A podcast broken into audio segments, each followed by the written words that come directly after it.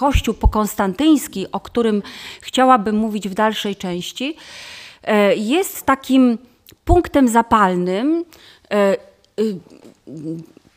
który pojawia się z, wewnątrz Kościoła katolickiego, ale także na zewnątrz Kościoła. Próbuje się po prostu przedstawiać współcześnie Kościół jako ten, który e, poszedł na pewną taką, nazwijmy to, kolaborację z państwem i jest to w w ustach y, y, takich właśnie y, antagonistów Kościoła, no właśnie takim mm, zarzutem wymierzonym i w Kościół, i w państwo,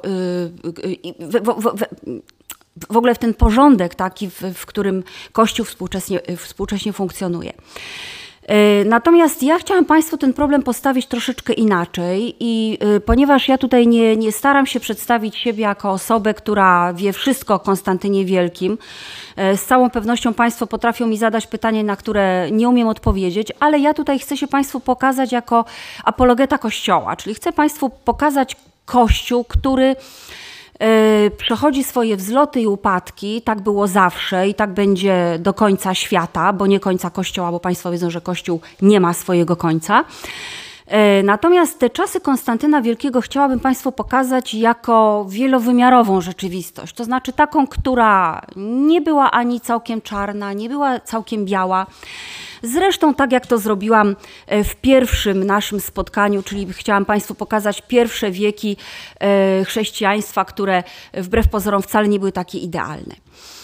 E, dla wszystkich z Państwa, którzy historię może znają troszeczkę gorzej, pokazuje Cesarstwo Rzymskie w czasach, kiedy Konstantyn Wielki przyszedł na świat. To jest tak zwana tetrarchia, czyli cesarstwo podzielone na cztery części. E, podział, którego dokonał e, cesarz Dioklecjan. I ta część, ja tutaj powinnam teraz wstać i Państwu pokazać przy pomocy jakiegoś wskaźnika, ale postaram się to zrobić, o pewnie na komputerze mi się to uda. Czyli ta część Galia i Brytania, to jest część, którą władał Konstancjusz Chlorus, ojciec Konstantyna Wielkiego. Jednym słowem, Y, jedna z czterech części Cesarstwa Rzymskiego, y, która znajdowała się właśnie pod władaniem mm, y, i, i z tą częścią związany był Konstantyn rodzinnie. Po śmierci Konstancjusza Chlorusa ta część teoretycznie powinna była przejść nie bezpośrednio na Konstantyna Wielkiego, E, tylko zgodnie z tym, jak funkcjonowała tetrarchia, powinien był August, któremu podlegał, ponieważ Konstanty, y, Konstancjusz Chlorus był Cezarem, więc on podlegał swojemu Augustowi. Powinna była ta część, znaczy przejęcie tej części nie powinno było przebiegać tak prosto, jak to się później Y, wydarzyło. Y, dlaczego o tym Państwu mówię? Po to, żeby Państwu pokazać, że y, całe czasy Konstantyna Wielkiego, czyli zjednoczenie cesarstwa w jednym ręku, nie było przewidziane, było, było wynikiem silnego charakteru Konstantyna Wielkiego, było zbiegiem okoliczności, było wynikiem pewnego szczęścia, mniej procesu historycznego i to później będzie bardzo sprzyjało Konstantynowi Wielkiemu i będzie bardzo ważne w jego polityce religijnej. Wypisałam Państwu kilka dat z okresu, zanim Konstantyn Wielki doszedł do tej pełni władzy. Widzą Państwo, w 303 roku e, Dioklecjan rozpoczął swoje prześladowania i jest to e, okres e, jednego z ostatnich prześladowań, nie licząc Juliana Apostaty później pod koniec wieku IV. I jest to prześladowanie o tyle ważne, bo ponieważ ono dotyczyło praktycznie Y, całego Cesarstwa Rzymskiego i odznaczało się jednym z, był to jeden z najbardziej brutalnych epizodów y, w historii Kościoła. Y, jest to niezwykle ważny epizod także z tego względu, że chrześcijanie w tym czasie stanowili już stosunkowo Y, y, silną, y, stosunkowo taką no, liczącą się grupę mm, poddanych cesarza, czy właściwie Augusta Dioklecjana, ale pozbawieni byli praw publicznych. I ta niesprawiedliwość mm, powodowała, że chrześcijanie no, praktycznie spodziewali się tego, że to je, oni po prostu wiedzieli, że jest to jeden z ostatnich takich etapów. Niemniej jego brutalność po prostu no, była na tyle poważna, że praktycznie z tych czasów prześladowań cesarza Dioklecjana, które praktycznie trwały 2-3 lata, nie więcej, pochodzi największa ilość męczenników chrześcijańskich. To tylko niech Państwu pokaże po prostu skalę tych prześladowań. E, w, mniej więcej w tym czasie ojciec e, cesarza Konstantyna, późniejszego cesarza Konstantyna bierze udział w walkach, w walkach w Brytanii i u jego boku właśnie e, późniejszy cesarz Konstantyn Wielki nabiera takich szlifów żołnierskich, zżywa się z żołnierzami i to też będzie rys, który będzie mu w, późniejszych, w późniejszym jego panowaniu bardzo mocno towarzyszył. W 305 roku został obwołany Augustem Zachodu i to jest właśnie ten moment, o którym Państwu mówiłam, że to nie powinno było się wydarzyć tak prosto. Wydarzyło się dlatego, że Konstantyn zdołał się zżyć ze swoją armią i to właśnie armia wyniosła go y, do, tego, do tej godności Augusta Zachodu i praktycznie w tym momencie Konstantyn miał już do czynienia z kilkoma tylko swoimi przeciwnikami. W 312 roku jako współrządzący z cesarzem Licyniuszem, e, miał proroczy sen, e, ten sen na tak zwanym przed bitwą na moście mulwijskim. Tutaj Państwu pokazuję na, na tej miniaturze, która pochodzi z średniowiecznego rękopisu przed, za, zawierającego kazania świętego Grzegorza z Nazjanzu, a więc jest to już miniatura, która pokazuje ten, to wydarzenie właśnie proroczego snu e, późniejszego cesarza Konstantyna jako funkcjonujące już bardzo silnie w kulturze średniowiecznej. E, ten sen był bardzo ważny z tego powodu, ponieważ e, uważa się go za takie takie wydarzenie, które spowodowało, że Konstantyn przeżył nawrócenie na wiarę chrześcijańską. Y, oczywiście, y, y, aha, bo to już, co ten sen mówi, bo może Państwo tego, może część z Państwa tego nie wie. Otóż w tym, zgodnie z tym snem, Konstantyn, późniejszy Konstantyn Wielki, zobaczył znak na niebie, znak krzyża w takiej aureoli słonecznej i usłyszał słowa, zgodnie z którymi, w tym, że w tym znaku pokona swojego przeciwnika, swojego współrządzącego cesarza Licyniusza. I rzeczywiście późniejsza bitwa przy moście mulwijskim w Rzymie przyniosła Konstantynowi zwycięstwo.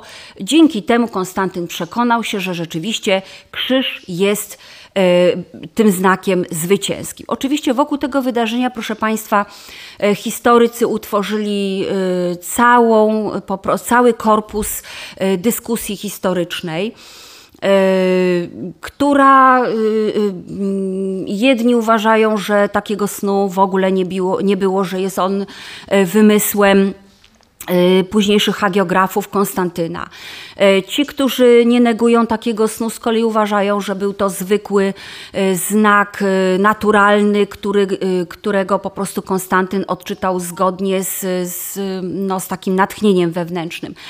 Nas to w ogóle nie interesuje. Nas interesuje to, że po 312 roku Konstantyn zaczyna się zachowywać jak władca, który próbuje y, zrobić wszystko, żeby ta polityka, y, którą prowadził Dioklecjan, została zakończona. I y, definitywnie rzeczywiście kończy się to wraz z edyktem w Mediolanie, który, proszę Państwa, nie jest bezpośrednim dziełem Konstantyna, tylko wydał go wspólnie z cesarzem Licyniuszem, którego wcześniej pokonał, ale ciągle jeszcze tutaj e, wspólnie, e, przepraszam, e, z, nie Licyniuszem, tylko Maksencjuszem. Tutaj wspólnie wydaje ten edykt z Licyniuszem, czyli z tym trzecim współrządzącym. I wcześniej takie edykty, proszę Państwa, były w Rzymie wydawane. To nie jest pierwszy edykt. Natomiast jego charakteryzuje tutaj to, że obejmuje cały, całe terytorium Cesarstwa Rzymskiego. E, I ten edykt nie jest edyktem, to jest bardzo ważne, to nie jest edykt, który, proszę Państwa, wprowadza e, religię chrześcijańską jako e, religię dominującą w starożytnym Rzymie, ani też nie powoduje, że jest to religia państwowa w żadnym wypadku. Tutaj akurat przydatek do tego edyktu, który dają historycy, czyli edykt tolerancyjny, oddaje w pełni charakter y, tego dokumentu. Mianowicie ten edykt zezwalał na pełną tolerancję religijną, swobodę wyznania, swobodę zgromadzeń religijnych, na swobodę kultu religijnego i kończył wszelkie prześladowania chrześcijan. W 300, między 314 a 316 rokiem miała miejsce kolejna wojna domowa. Tym razem Konstantyn Wielki e, walczył z, z ostatnim e, przeciwnikiem, którym został z cesarzem Licyniuszem.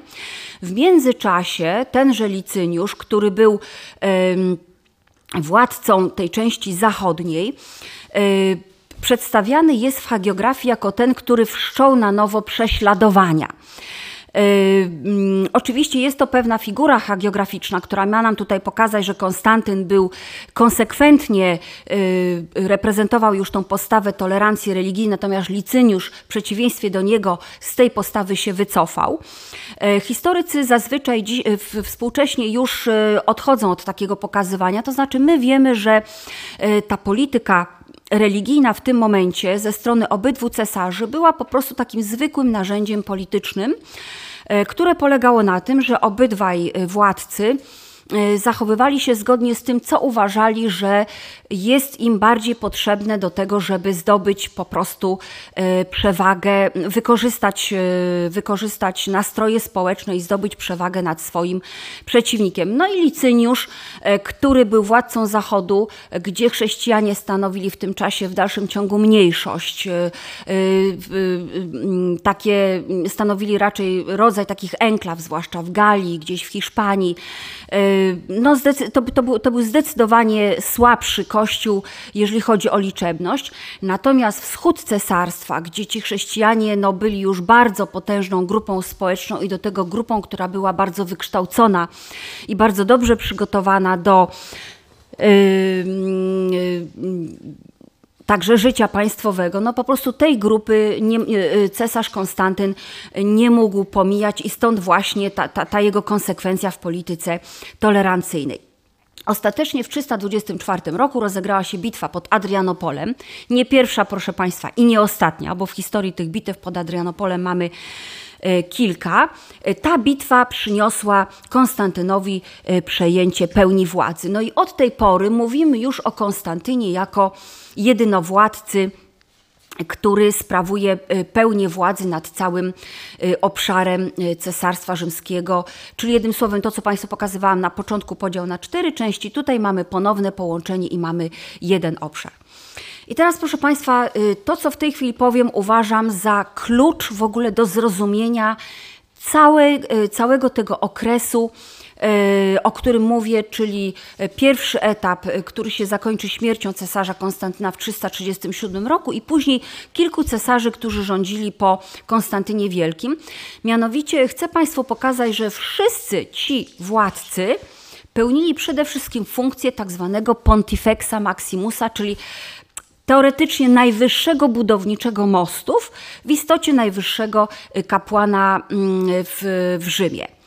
E, to jest bardzo ważne, bo proszę Państwa, my patrzymy na Konstantyna Wielkiego, mając już bagaż wiedzy o tym, jak wyglądała historia Kościoła w okresie średniowiecza, potem w okresie nowożytnym. Mamy cały epizod józefinizmu w XVIII wieku, mamy wreszcie prześladowania totalitarne Kościoła i wiemy, że y, y, tam, gdzie państwo wchodzi w sprawy religii, jeżeli e, zaczyna e, zajmować się doktryną religijną, to oczywiście podejmuje zadania, które państwu są nieprzewidziane.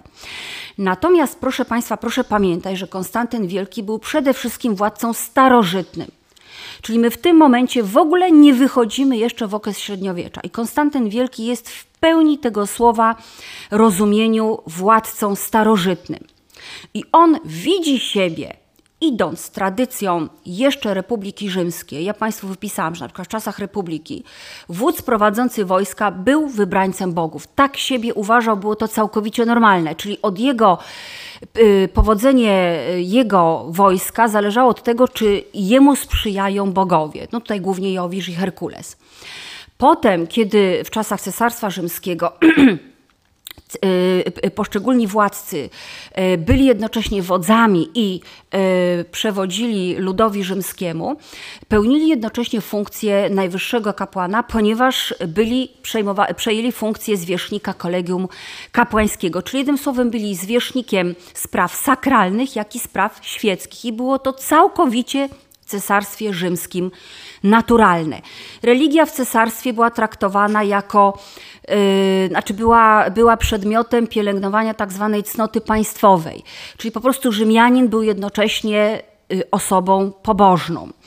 Yy, było oczywistym, że Rzymianie modlili się za powodzenie cesarza, bo było to traktowane jako jednocześnie jako w ogóle podtrzyma, pod, podtrzymanie świata w istnieniu. Proszę Państwa, proszę pamiętać, że dla Rzymianina Rzym to był cały świat. Yy, i tutaj Oktawian August, właśnie jako pierwszy taki oficjalny Pontifex Maximus, prowadził obrzędy w świątyniach państwowych, ustanawiał kapłanów. E, nie, nie budziło to niczyjego zdziwienia i e, nie budziło żadnych oporów. I teraz, proszę Państwa, Konstantyn Wielki jest spadkobiercą tej tradycji i uważa siebie za tego samego, jest, jest kontynuatorem tej samej tradycji. Ale, proszę Państwa, jeżeli, weźmie, jeżeli uznamy, co historycy dyskutują, ale jeżeli uznamy, że w 312 roku nawróci się na chrześcijaństwo, to automatycznie religia chrześcijańska wykluczała władcę, w ogóle osobę świecką, z możliwości na przykład sprawowania mszy świętej. W związku z tym Konstantyn Wielki nie mógł być szafarzem sakramentów. To było oczywiste. Ale ten edykt tolerancyjny i późniejsza e, polityka mm, e, protegowania Kościoła katolickiego nie wykluczała też, że Konstantyn Wielki w dalszym ciągu jako Pontifex Maximus względem wszystkich innych religii Cesarstwa Rzymskiego no, ponosi odpowiedzialność za to, żeby bogowie jeżeli mamy tolerancję religijną, czy też Bóg chrześcijański, e, jeżeli uważał siebie za wyznawcę chrześcijaństwa, temu cesarstwu rzymskiemu sprzyjał. I to on uważał siebie, że to od jego polityki ta przychylność zależy. Mam nadzieję, że Państwo to dobrze rozumieją. E, I teraz, proszę Państwa, podkreśliłam tako, takie zdanie. Nie potrzebuje religii dla utrzymania autorytetu. To jest w ogóle potężnie ważne zdanie z mojego punktu widzenia. Dlaczego? Dlatego, że późniejsi władcy średniowieczni będą potrzebowali religii, żeby utrzymać swój autorytet. I tutaj my strasznie zawsze, najczęściej mylimy, znaczy ci, którzy się tak popularnie zajmują historią, to na przykład na Ottona I czy Karola Wielkiego patrzą tak jak na właśnie Konstantyna Wielkiego i uważają, że to byli władcy, którzy potrzebowali kościoła do tego, żeby y, mogli utrzymać tron i mogli utrzymać lud w ryzach. Konstantyn Wielki go totalnie nie potrzebował. Konstantyn Wielki owszem potrzebował stabilizacji w cesarstwie, potrzebował przychylności chrześcijan, bo on nie był zainteresowany w tym, żeby cesarstwo rzymskie było rozrywane konfliktami, natomiast żeby sam był władcą i żeby utrzymał swój tron, nie potrzebował do tego Y, kościoła. To było mu niepotrzebne. I tak, i, i, i możemy sobie ten element, jeżeli będziemy dokonywali jakiejkolwiek oceny polityki Konstantyna, możemy sobie ten element po prostu od razu wyłączyć. Dlaczego nie potrzebował? Bo jego na tron wyniosła armia. To jest proste. I on, jeśli potrzebował, potrzebował po prostu yy, właśnie yy, pokazywać siebie raczej jako wódz, jako, y, wybrań, jako właśnie wybraniec Boga, aniżeli y, jako ten, który musi się opierać na Kościele.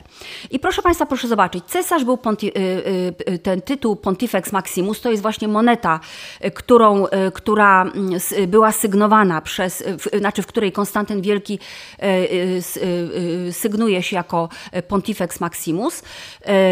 Ten tytuł wszyscy cesarze rzymscy nosi, nosili aż do 375 roku. Potem ten tytuł nieoficjalnie, ponieważ papieże nigdy tego tytułu nie używali wprost, Jak Państwo wiedzą, przez większość średniowiecza, poczynając od Grzegorza Wielkiego, nazywali siebie sługą sług bożych, ale po raz pierwszy nieoficjalnie użył go Leon I w połowie V wieku, właśnie niejako mm, e, e, pokazując tutaj, że ta epoka mm, e, używania tego tytułu przez cesarzy zakończyła się w tym czasie. I teraz, proszę Państwa, chrześcijanie mieli być za co Konstantynowi wdzięczni. E, to nie jest tak, że Konstantyn, nie wiem, wziął Kościół niejako y, w swoistą niewolę i e, posługiwał się jakimś takim, jakimiś takimi e, naciskami, które powodowały, że Kościół katolicki był mm, od niego w jakiś potężny sposób zależny. Co głosiły edykty tolerancyjne, które po 313 roku y, cesarz Konstantyn wydawał. Y, otóż one tak, y, proszę, proszę Państwa, będę je czytała powoli. Zakaz wykonywania kary krzyżowania. Do 313 roku można było krzyżować chrześcijan. W ogóle, w ogóle krzyżować można było. Tutaj te edykty tolerancyjne zakazały krzyżowania kogokolwiek, czyli ta najgorsza, najbardziej haniebna kara w tym momencie została zabroniona. Zwolnienie prześladowanych chrześcijan z pracy niewolniczej. One, oni najczęściej pracowali e, w kopalniach. E, e, zezwolenie na powrót z wygnania. Zwrot majątku indywidualnego i wspólnot chrześcijańskich. Tutaj, proszę Państwa, stanęło pytanie, co zrobić z podatkiem męczenni, co zrobić z majątkiem męczenników, którzy, którzy odchodzili na przykład nie pozostawiając po sobie rodzin, bo bardzo często się zdarzało, że w ogóle całe rodziny chrześcijańskie ginęły z rąk e, siepaczy Dioklecjana. I tutaj e, cesarz Konstantyn wydał taki dekret, na mocy którego majątek właśnie tych zamęczonych męczenników przechodził na własność gmin chrześcijańskich, wspólnot chrześcijańskich. Swoboda zgromadzeń chrześcijańskich, wprowadzenie niedzieli do, do kalendarza dni wolnych. Niedawno obchodziliśmy rocznicę właśnie E, wprowadzenia e, niedzieli jako dnia wolnego. To jest, proszę Państwa, bardzo ważny moment. E, do tej chwili chrześcijanie w niedzielę byli zmuszeni do pracy siłą rzeczy. No w ogóle wprowadzenie wolnej niedzieli oznaczało w ogóle swobodę kultu chrześcijańskiego oraz zakaz, zakaz posiadania niewolników chrześcijan. Proszę Państwa, to jest jeden z pierwszych edyktów wymierzonych w Żydów. Od razu Państwu mówię wprost. E, praktycznie od cesarza Konstantyna e, pochodzi e, polityka taka bardzo antysemicka i bardzo wymierzona w taki sposób gro tych edyktów, które pojawią się za czasów panowania Konstantyna Wielkiego, a jeszcze bardziej później jego następcy Konstancjusza II, gro tych edyktów będzie wymierzonych w Żydów. Dlaczego? Dlatego, że właśnie postrzegani byli jako ci, którzy są grupą, która która y, właśnie tych chrześcijan y, prześladuje i y, nie pozwala im na swobodny rozwój. Ta polityka tolerancji po 324 roku, czyli w tym momencie przejęcia jednowładztwa, przeradza się w taką politykę otwartej protekcji wobec Kościoła katolickiego. Jak to wyglądało? Przede wszystkim cesarz obrócił się przeciwko kultom pogańskim. Zakaz publicznego składania ofiar. Ale ja tutaj Państwu od razu połączę y, to z y, opowieścią o tym, w jaki sposób pojawi, pojawiła się Bazylika Grobu Pańskiego. Otóż w, tam, gdzie odkryto grób pański, ja w tej chwili nie pamiętam, ale to był jeden z diakonów, którzy byli bardzo blisko związani z, grobem, z dworem cesarskim. Y, mm, okazało się, że, bo Państwo pamiętają, że Jerozolima została zburzona. I tam y, w, właśnie w, w, w, tym miejscu wprowadzono całkowicie kult pogański. I w miejscu, gdzie od, odkryto grób pański, znajdowała się świątynia Afrodyty. I tutaj właśnie Konstantyn Wielki pierwsze, co wprowadza, to burzenie właśnie takich, y, takich y, mm, miejsc kultu pogańskiego i budowanie w tym miejscu y, właśnie świątyń chrześcijańskich. I proszę Państwa, pojawiają się największe, do dziś najbardziej chyba znane miejsca Ziemi Świętej. Mianowicie Bazylika Grobu Pańskiego, która w czasach Konstantyna Wielkiego, uwaga, nazywała się Bazyliką Zmartwychwstania Pańskiego. To jest też dość, dość ważny akcent, dlatego że była to, mm, był to kult życia, a nie kult śmierci. Tak. Tak samo Bazylika Narodzenia Pańskiego, y, y, y, Bazylika na Górze Oliwnej, w Mamre, tam gdzie miejsce związane z Abrahamem. Wreszcie nad grobem świętego Piotra w Watykanie rozpoczęto e, budowę e, tej starożytnej bazyliki świętego Piotra. To, co Państwu pokazuję na ilustracji, e, to jest taka rekonstrukcja tej najbardziej pierwotnej wersji bazyliki świętego Piotra w Watykanie. Natomiast to, co Państwu chcę powiedzieć, to tylko to, że Państwo widzieli, że w ogóle bazyliki rzymskie to były miejsca handlu rzymskiego.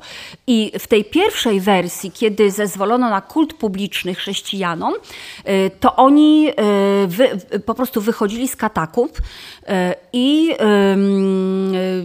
po prostu pozwolono im przystosować właśnie te miejsca handlu rzymskiego, w ogóle spotkań publicznych Rzymian, pozwolono im przystosować do kultu religijnego i stąd właśnie te pierwsze świątynie rzymskie później też będą nosiły y, nazwę bazyliki. Oraz, proszę Państwa, bazylika na Lateranie, y, która powstała jako siedziba y, papieża, od razu była siedzibą papieża jako biskupa Rzymu. I też, proszę Państwa, ja się tutaj spotkałam z takimi wypowiedziami, że ten moment, w którym papież zasiada na stolicy w Lateranie, dziś jest traktowany jako niezwykle symboliczny i oznacza, że papież przeszedł na pozycję kultu państwowego. Ja, ja Państwu mówię, jak to dzisiaj jest w, w takim w takim antagonistycznym ujęciu e, przedstawiane. Muszę Państwu powiedzieć, że e, poświęciłam całkiem sporo czasu na odnalezienie, gdzie papież mieszkał w sensie domu, miejsca, łóżka, stołu, zanim zanim e, właśnie Konstantyn Wielki ofiarował mu pałac e, w, w, przy Bazylice na Lataranie. W ogóle nie znalazłam takiej wiadomości. Przypuszczam, że było, był to gdzieś jakiś zwykły dom, pewnie w, w, w momencie, bo, bo tutaj mamy rok pomiędzy 313, czyli, w momencie, czyli po, po edykcie tolerancyjnym, do powiedzmy sobie Y, tej trzeciej dekady IV wieku, więc dosłownie kilkanaście lat, w których po prostu pewnie papież y, przemieszkiwał y, w, w, w tej gminie rzymskiej. No i proszę Państwa, z mojego punktu widzenia, jeśli był głową kościoła, no to krótko i treściwie powinien był mieć stałe miejsce, w którym po pierwsze będzie sprawował także sądy kościelne. To jest proszę Państwa także moment, w którym Kościół Y, jako już instytucja oficjalna, y, przechodząca także pewną ewolucję struktury, potrzebuje sprawować normalne funkcje kościelne. Jednym słowem, papież potrzebuje mieć konkretną y, siedzibę. Jednym słowem, jako apologeta mówię, nie widzę nic złego w tym, że papież zasiadł na lateranie, ale możemy dyskutować. No i wreszcie, proszę Państwa, początek budowy Hagia Sofia.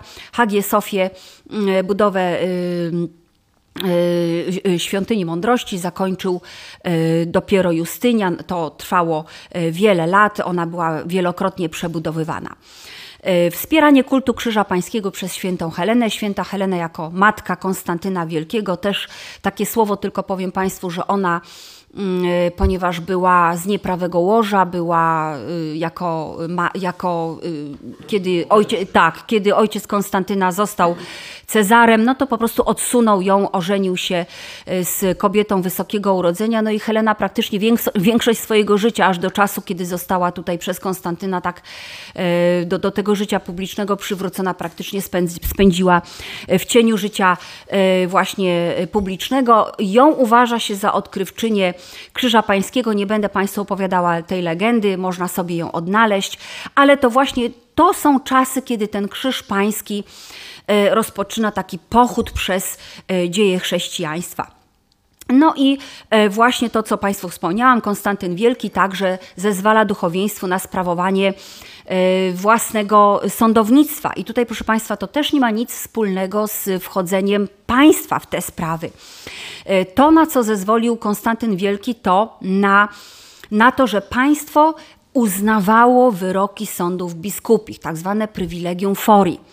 Ja Państwu, którzy troszkę się może znają więcej na historii, powiem tylko, że o ten przywilej, tak zwany privilegium fori, czyli o to, żeby sądy państwowe uznawały wyroki sądów biskupich, na przykład e, w obrębie prawa majątkowego, czy w obrębie nawet prawa karnego, to co się, to, co się działo wewnątrz Kościoła, Oto, proszę Państwa, Kościół będzie walczył prawie że na śmierć i życie, jeżeli weźmiemy pod uwagę e, e, historię Grzegorza VII, będzie walczył w XII i XIII wieku.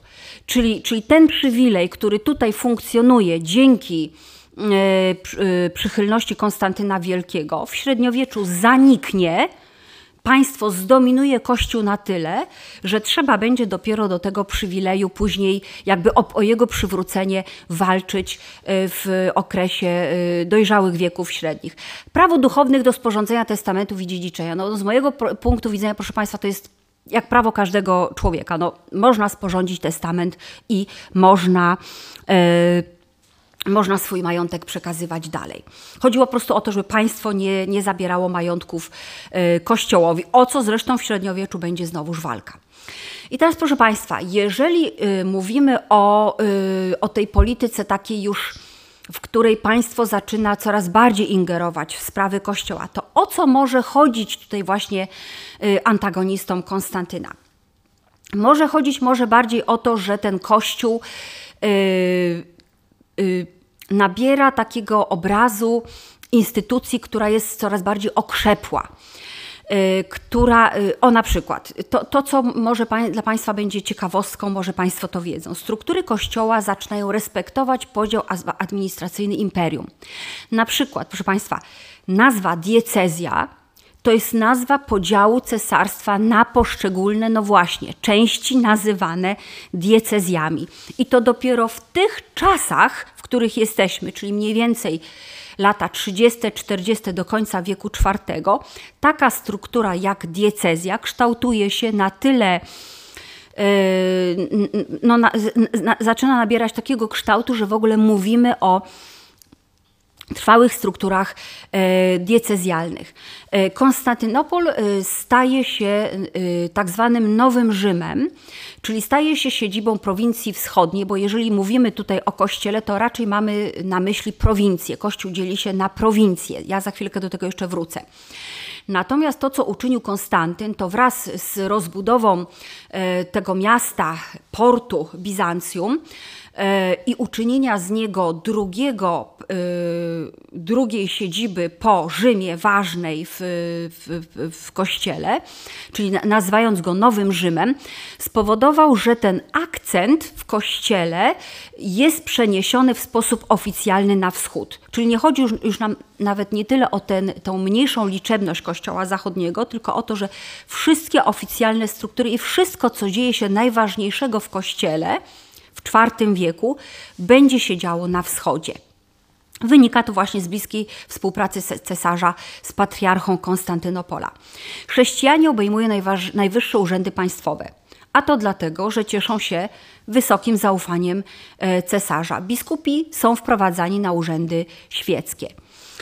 Symbole chrześcijańskie pojawiają się w przestrzeni publicznej. Na przykład od 321 roku nie ma już ich na monetach. E, pojawiają się na tarczach, na sztandarach wojskowych. I tutaj oczywiście, proszę Państwa, wszyscy antagoniści pojawia, y, y, wysuwają, jak Państwo sobie gdzieś tam w internet wejdą i, i, i poczytają takie bardzo sloganowe e, wypowiedzi, to znajdą Państwo to słynne Gott mit uns, prawda, które tam e, Wehrmacht sobie e, podobno, podobno, bo niektórzy mówią, że gdzieś tam sobie wypisywał.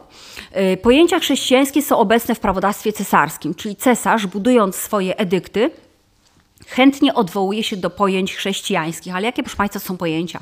Miłosierdzie, miłość, cnota, czyli wszystko to, co cesarz uważał, że jest zdolne przebudować życie społeczne i po prostu doprowadzić do stabilizacji e, społecznej w cesarstwie. Po 314 wieku cesarz jest inspiratorem wiary. I muszę Państwu powiedzieć, że rzeczywiście poczytałam sobie kilka listów e, cesarza Konstantyna Wielkiego i one, proszę Państwa, się naprawdę niewiele różnią od listów biskupich późniejszym okresie. E, to znaczy cesarz nawołuje właśnie do miłości Bożej, do y, właśnie pielęgnowania cnót, y, do y, wzajemne, właśnie do wzajemnej miłości. To są, to są takie pojęcia, którymi się Konstantyn Wielki posługuje. Proszę Państwa, uwaga, a wcale był nieochrzczony. Konstantyn Wielki kazał się ochrzcić, w ogóle marzył o tym, że ochrzci się w wodach Jordanu, ale y, kiedy mm, zachorował śmiertelnie, y, ochrzcił się dopiero na łożu śmierci i to z rąk biskupa ariańskiego. I cesarz, proszę Państwa, czasami określa się jako biskup. Ale, proszę Państwa, kto to był biskup? Jak Państwo sobie przypomną y, nasze spotkanie, pozwolę sobie do niego nawiązać sprzed kilku tygodni. Biskup to w języku greckim nie mniej, nie więcej, tylko namiestnik, ktoś, kto stoi na czele y, właśnie y, społeczności, na czele gminy. I to, że tutaj to pojęcie biskup ma już charakter bardziej kościelny niż świecki, chociaż jest pojęciem greckim, to wcale nas nie uprawnia do tego, żebyśmy oceniali Konstantynę jako tego, który się postrzega jako biskupa, czyli zwierzchnika kościelnego. Owszem, uważał siebie za decydujący taki czynnik mediacyjny, czyli uważał, że on jest tym zwornikiem, e, który mm, jest od, jako właśnie Pontifex Maximus, który jest odpowiedzialny za ten pokój wewnątrz cesarstwa, więc jeżeli dochodzi do sporów, kłótni, a w tym czasie, proszę Państwa, biskupi to jest, no naprawdę, jak Państwo by sobie poczytali Sokratesa Scholastyka, to jest, to jest y, y, kontynuator y, właśnie Eusebiusza z Cezarei, o którym Państwu opowiadałam na ostatnich, w ostatnim spotkaniu. Biskupi to jest, to jest proszę Państwa, no jakbyśmy sobie wzięli takie przedszkole, które się spotyka po to, żeby po prostu się gdzieś tam e, e, natłuc i, i, i, pokłócić, to to jest mniej więcej taki obraz. I proszę Państwa, w tym czasie biskupi y, to nie są y, zwierzchnicy dużych terytoriów. Raczej byśmy powiedzieli, to są tacy proboszczowie, czyli y, w związku z tym na przykład, jeżeli mamy, jeżeli mówimy o Afryce, to mamy powiedzmy sobie 60, 70 biskupów, a w Galii mamy na przykład dwóch. To tylko tak Państwu pokazuje po prostu skalę, skalę właśnie, kim był biskup biskup. E, tak. No i pogrzeb cesarza, kiedy cesarz, proszę Państwa, umiera, ma charakter uroczystości zarówno państwowej, religijnej. To znaczy, on jest chowany jako obrońca wiary, jako wybraniec bogów, ale główną y, grupą, która mm, y, ten pogrzeb urządza, to jest, proszę Państwa, armia. To jest w dalszym ciągu armia. To są żołnierze, którzy biją właśnie w e, tarcze, oni niosą e, mary królewskie. E, I oczywiście każe się pochować w kościele apostołów w Konstantynopolu, ale jest, i to ma charakter uroczystości religijnej, ale nie jest to, proszę Państwa, on w żaden sposób nie, proszę zobaczyć, w porównaniu z cesarzami tymi pogańskimi, nigdzie nie kazał siebie uważać za Boga. Nigdzie nie kazał, nie kazał o sobie mówić, że nie wiem, jest świętym bez grzechu, że jest zastępcą Chrystusa na ziemi. Natomiast ta, ta, ta, ta jego polityka właśnie protekcji no, powodowała, że gdzieś to państwo mogło się właśnie do takich, do takich aktów uciekać. Teraz, proszę Państwa, wspomniałam o tym, że cesarz właśnie był tym czynnikiem mediacyjnym. No już nie będę Państwu tutaj wielkich szczegółów mówiła, bo obiecałam, że będę się pilnowała, ale to między innymi cesarzowi zawdzięczamy to, że wreszcie właśnie spór wokół daty Wielkanocy został rozstrzygnięty w taki sposób, żeby, uwaga proszę Państwa, nie był obchodzony na sposób żydowski. To, co Państwu mówiłam na początku, że Konstantyn Wielki był bardzo antysemicki. I to właśnie przesądziło, że y, data Wielkanocy została, jest, była obchodzona w sposób łaciński, czyli tak jak my ją dzisiaj obchodzimy, czyli nie 14 miesiąca Nisan, tylko obchodzimy po pierwszej pełni wiosennej. Konstantyn Wielki w momencie, kiedy ktoś został uznany heretykiem, musiał zwracać y, majątek na rzecz kościoła katolickiego. Oto, y, to, to było jakby y, staraniem Konstantyna, czyli państwa. I wreszcie, proszę Państwa, jemu Kościół niejako jemu zawdzięcza zwołanie pierwszego soboru, tak zwanego ekumenicznego soboru w Nicei. To nie jest Nicea we Francji, to jest Nicea w Turcji który, y, i to jest od razu też Państwa skieruje, że to jest jeden z tych momentów, którym nam, nam, najbardziej zarzucają świadkowie Jehowy. Nie wiem, czy Państwu kiedykolwiek zdarzyło się rozmawiać ze świadkami Jehowy. Otóż oni uważają, że to przez Konstantyna Wielkiego, który zwołał sobór w Nicei i kazał ojcom soborowym przyjąć credo wyznanie wiary, mamy wiarę w Trójcę Świętą. Nic bardziej mylnego.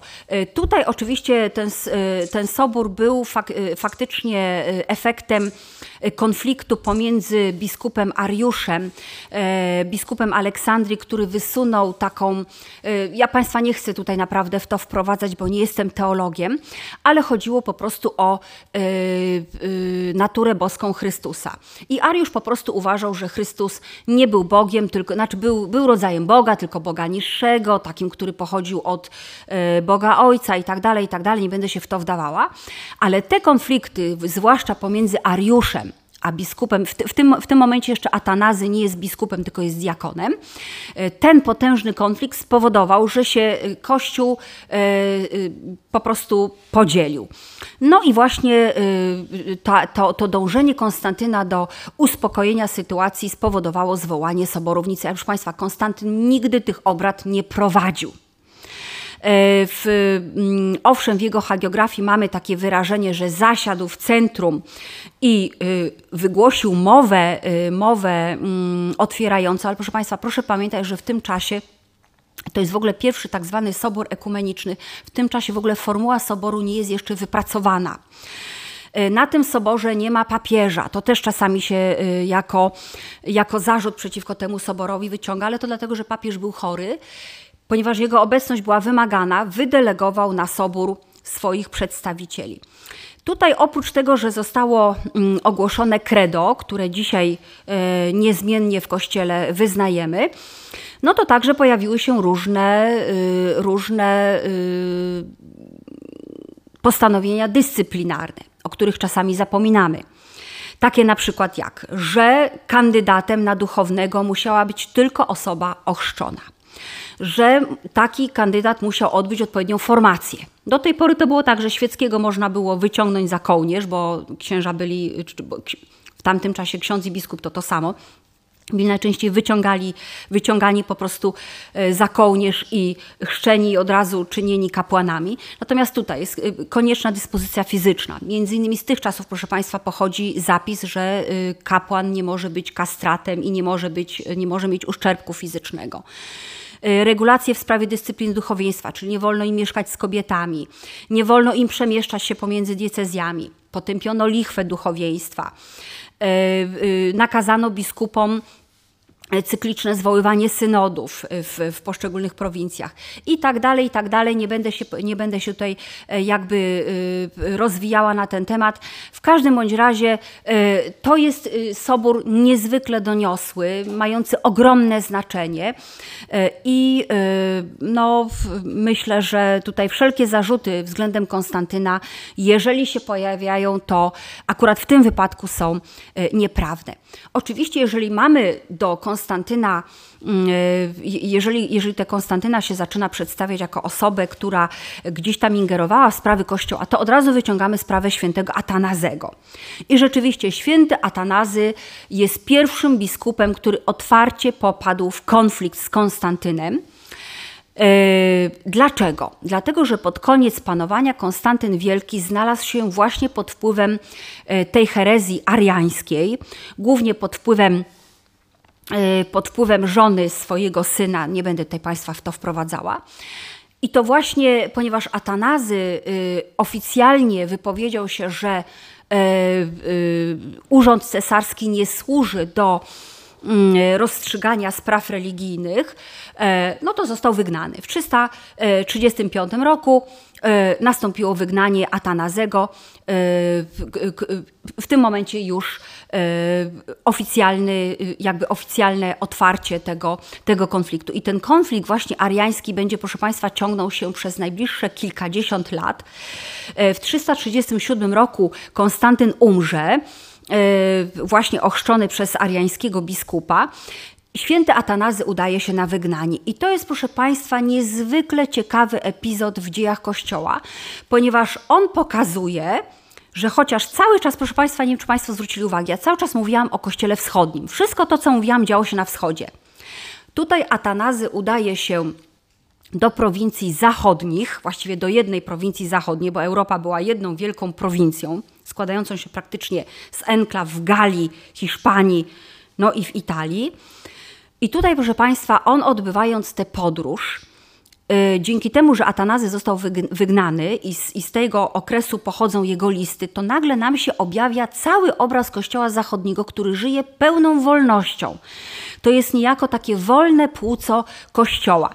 Na przykład papież Juliusz I jest pierwszym, a proszę zobaczyć, to są 40 lata IV wieku, formułuje po raz pierwszy myśl, zgodnie z którą Kościół jest instytucją, która ma za zadanie bronić wolności sumień. To jest bardzo ważny akcent z mojego punktu widzenia. Jednym słowem, cała, cała ta polityka protekcji, nawet jeżeli była, nie była w stanie stłumić właśnie, nie była w stanie stłumić e, tego, co, co, co, co w Kościele było najistotniejsze, czyli tego poczucia wolności. E, e, te, te, te dzieje Atanazego są niezwykle zmienne. Proszę zobaczyć, w 358 roku ma miejsce taki strasznie haniebny synod w Ariminum, który E, na polecenie cesarza dokonuje potępienia Atanazego i przyjmuje naukę ariańską jako obowiązującą w kościele. Później uczestnicy tego synodu będą się kajali, bili się w piersi, ile tylko wlezie, dlatego że e, w, latach 60.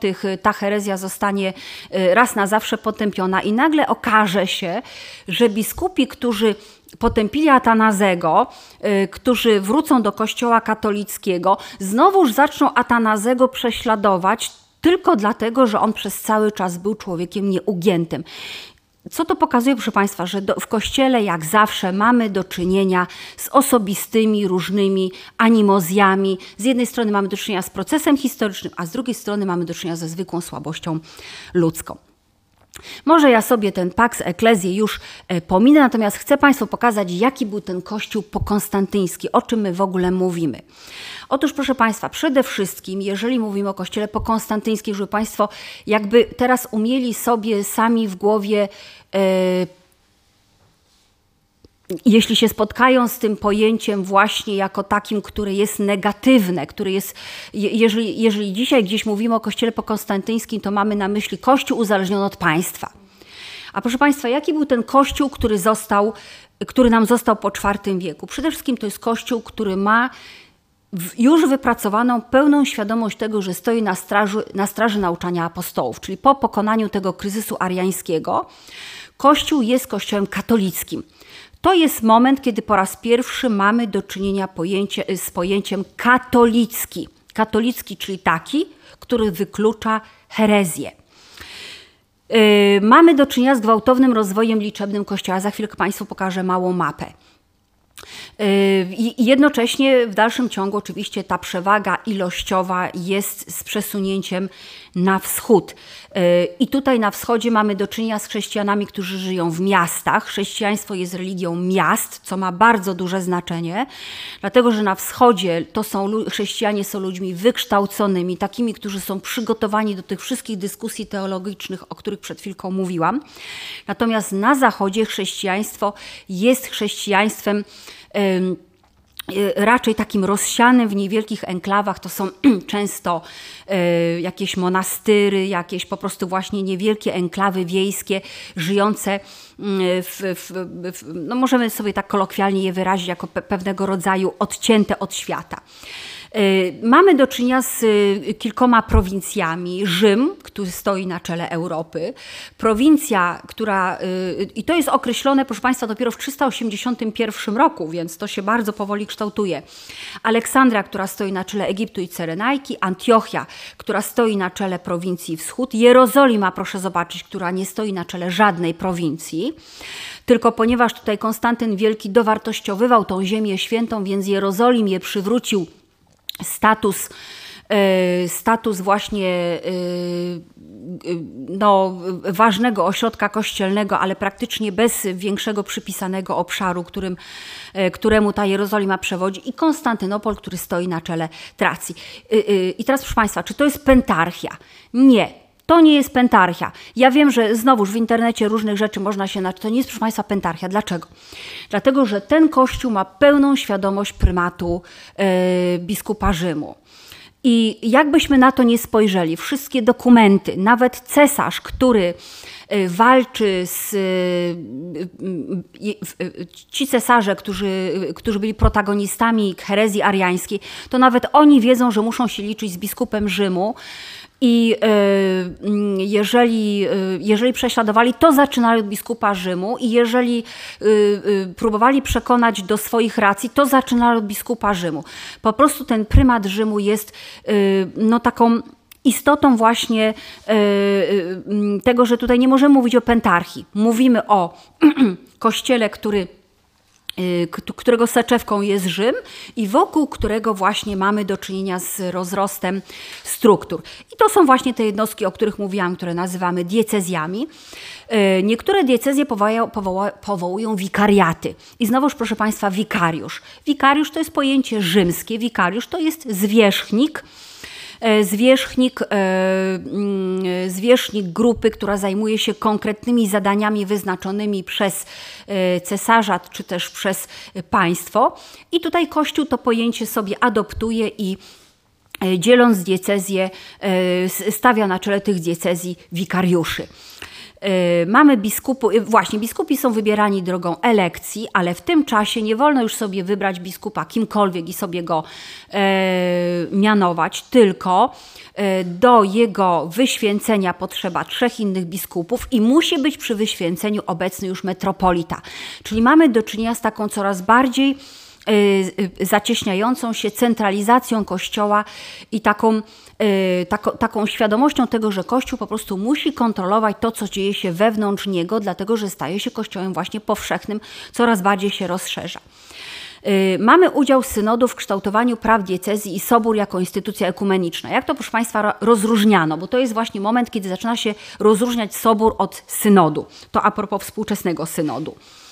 Sobór, na czele soboru musiał stać papież. To, to, to taka e, najbardziej widzialna, e, najbardziej widzialna różnica pomiędzy soborem a synodem. E, natomiast jeżeli, jeżeli, była, jeżeli mieliśmy do czynienia z prawem lokalnym, które przede wszystkim było także przemijalne, to znaczy tutaj, jeżeli synod sobie ustalił jakieś zasady dyscyplinarne, a papież na przykład się im sprzeciwił, czyli one nie były zatwierdzone przez głowę kościoła, to można było taki, e, ta, e, prawo takiego, takiego, e, prawa takiego synodu nie uznawać. Skąd to się wzięło? Ano dlatego, że te synody uchwalały prawa przeciwko sobie również. Dlatego, że byli biskupi ariańscy, a tu byli biskupi katoliccy. I jak Państwo przed chwilką widzieli na przykładzie Atanazego, no po prostu synodów było całe mnóstwo i można się było w nich pogubić. W związku z tym ustalono, że prawo synodu obowiązuje tam, gdzie będzie zatwierdzone przez głowę Kościoła, przez papieża. Wreszcie, proszę Państwa, powstanie podstaw prawa kanonicznego. I dlaczego tutaj mamy do czynienia, dlaczego y, mówimy o epoce konstantyńskiej? Dlatego, że to prawo kanoniczne jest prawem, które, na, w którego w skład chodzą jakby dwie, dwa elementy. Z jednej strony jest to prawo państwowe. Dlaczego? Bo mamy uznanie majątku, to co mówiłam, majątku y, osób duchownych, sądów biskupich itd., tak itd. Tak A z drugiej strony mamy wewnętrzne statuty dyscyplinarne, które mm, za które odpowiada papież jako kustosz tego prawa wewnątrzkościelnego. Stąd prawo kanoniczne, proszę Państwa, nie da się prawa kanonicznego w tym okresie wyłączyć całkowicie z państwa, jak też nie da się statutów kościelnych tak zbudować, żeby one zupełnie obchodziły prawo państwowe. To, to, to, były dwa, to, to był węzeł, który w, w tamtym czasie e, było zupełnie normalne, że on tak funkcjonuje. To jest także okres, kiedy zostały sformułowane główne dogmaty chrystologiczne. Też nie, nie chcę tutaj w to wnikać. E, I mamy powstanie kultury chrześcijańskiej, która y, y, kończy nam tę epokę starożytną i wreszcie właśnie powstanie ruchu pielgrzymkowego do Ziemi Świętej. Jak Państwo wiedzą, w średniowieczu Ziemia Święta będzie tym, co chrześcijanie na nowo odkryją, dlatego że y, centrum życia średniowiecznego toczyło się w Rzymie. I dopiero odkrycie tego, że grób pański jest zagrożony i że nie można, się, nie, nie, nie można o niego dbać, z kolei w średniowieczu wyzwoli nam całą falę krucjat, o której też kiedyś chciałabym e, z Państwem porozmawiać, ale to mm, w przyszłości. I to jest właśnie, proszę Państwa, ta mapa, którą mm, chciałam Państwu pokazać jako właśnie mapę e, mapę e, rozwoju chrześcijaństwa. Proszę Państwa, proszę zobaczyć, w, w momencie, kiedy Konstantyn Wielki obejmował, obejmował swoje rządy, znaczy tutaj ten, ten fioletowy kolor to jest 185 y, rok, więc Konstantyn Wielki to będą jeszcze takie niewielkie enklawy tutaj w Galii w Hiszpanii. Niewiele więcej. Natomiast w, w momencie, kiedy Konstantyn Wielki kończy swoje panowanie, to jest cały ten obszar E, właśnie e, e, tak, Morza Śródziemnego, cały, cały właśnie ten świat śródziemnomorski. I teraz proszę Państwa, to jest całkowity jakby, ja jeszcze sobie przygotowałam takie krótkie postscriptum, naprawdę bardzo krótkie. Mianowicie, tak zwana donacja Konstantyna, bo to jest, e, to jest dokument, e, który też właśnie najczęściej się wyciąga jako, jako taki pokaz, e, pokaz właśnie, że tutaj Konstantyn Wielki jest tym, który tak, dał papieżowi tak zwane patrocinium świętego Piotra, czyli ustanowił państwo kościelne. E, proszę zobaczyć, tutaj mamy pokazanego Konstantyna, który klęczy przed papieżem. Ale teraz, proszę Państwa, to jest po pierwsze, donacja Konstantyna jest sfałszowanym dokumentem, czyli nie było czegoś takiego jak dekret Konstantyna, ale uwaga, proszę Państwa, jak się wczytać w te sprawy, to okazuje się, że to jest yy, yy, fałszerstwo prawdopodobnie z końca starożytności, więc nie aż tak bardzo odległe od Konstantyna. Co ono mówi? Cesarz uznaje prymat papieża, nadaje mu prawo honoru równego z honorem cesarskim, ofiarowuje mu bazylikę na Lateranie, czyli to, do czego odwołują się oskarżyciele e, kościoła, który współpracuje z państwem. E, I wreszcie nadaje mu prowincje zachodnie. Ale proszę Państwa, okazuje się, jak się w ten temat pozwoliłam sobie wczytać, okazuje się, proszę Państwa, że chociaż te mozaiki, które pochodzą tutaj z bazyliki e, koronatów, e, to są XIII-wieczne bazyliki, okazuje się, proszę Państwa, że e, i, i, one powstały na bazie e, właśnie tego, tej walki, o której wspominałam Państwu, walki e, Kościoła o wyzwolenie się spod władzy państwa średniowiecznego. Okazuje się, proszę Państwa, że Kościół wbrew pozorom nie odwoływał się tak bardzo chętnie do, do tej donacji. Ona się gdzieś tam faktycznie przewijała w różnych takich sporach pomiędzy państwem a kościołem w średniowieczu, ale okazuje się, że nie było to takie częste. Dlaczego? Ano dlatego, że tutaj papież, że, że, y, że papież musiałby uznać, że to cesarz nadał mu prymat, że to cesarz nadał mu honory równe sobie Mało tego, że to od, cesarza, od cesarza zależała władza papieża e, w owej prowincji zachodniej, bo cesarz jakoby zostawiał dla siebie prowincję wschodnią. I okazuje się, proszę Państwa, że chociaż był to dokument w XII i XIII wieku dość popularny, to jednak najbardziej znakomici kanoniści tego okresu i tak nie lubili się do niego odwoływać wprost. Czyli obchodzono go raczej właśnie w postaci tych mozaik, które Państwo tutaj pokazuje, czyli interpretowano go w taki sposób, żeby to było na korzyść papieża, bo uważano, że sam dokument mógłby e, Kościołowi wyrządzić więcej szkody e, niż korzyści. E, dlaczego traktuję to jako postscriptum? Żeby Państwu pokazać, że tą osobą Konstantyna manipulowali już kanoniści, którzy żyli zaraz po Konstantynie Wielkim, którzy żyli już na przełomie starożytności i średniowiecza. Potem manipulowali nim ci, którzy żyli w X-XI wieku, czyli, zależało, czyli tym, którym zależało na zniewoleniu Kościoła a potem ci, którzy z kolei walczyli o wyzwolenie Kościoła w średniowieczu, nazwijmy to sobie bardzo już tak kolokwialnie, żeby Państwa wprowadzić w dyskusję z tych szponów yy, zależności od państwa. To by było na tyle.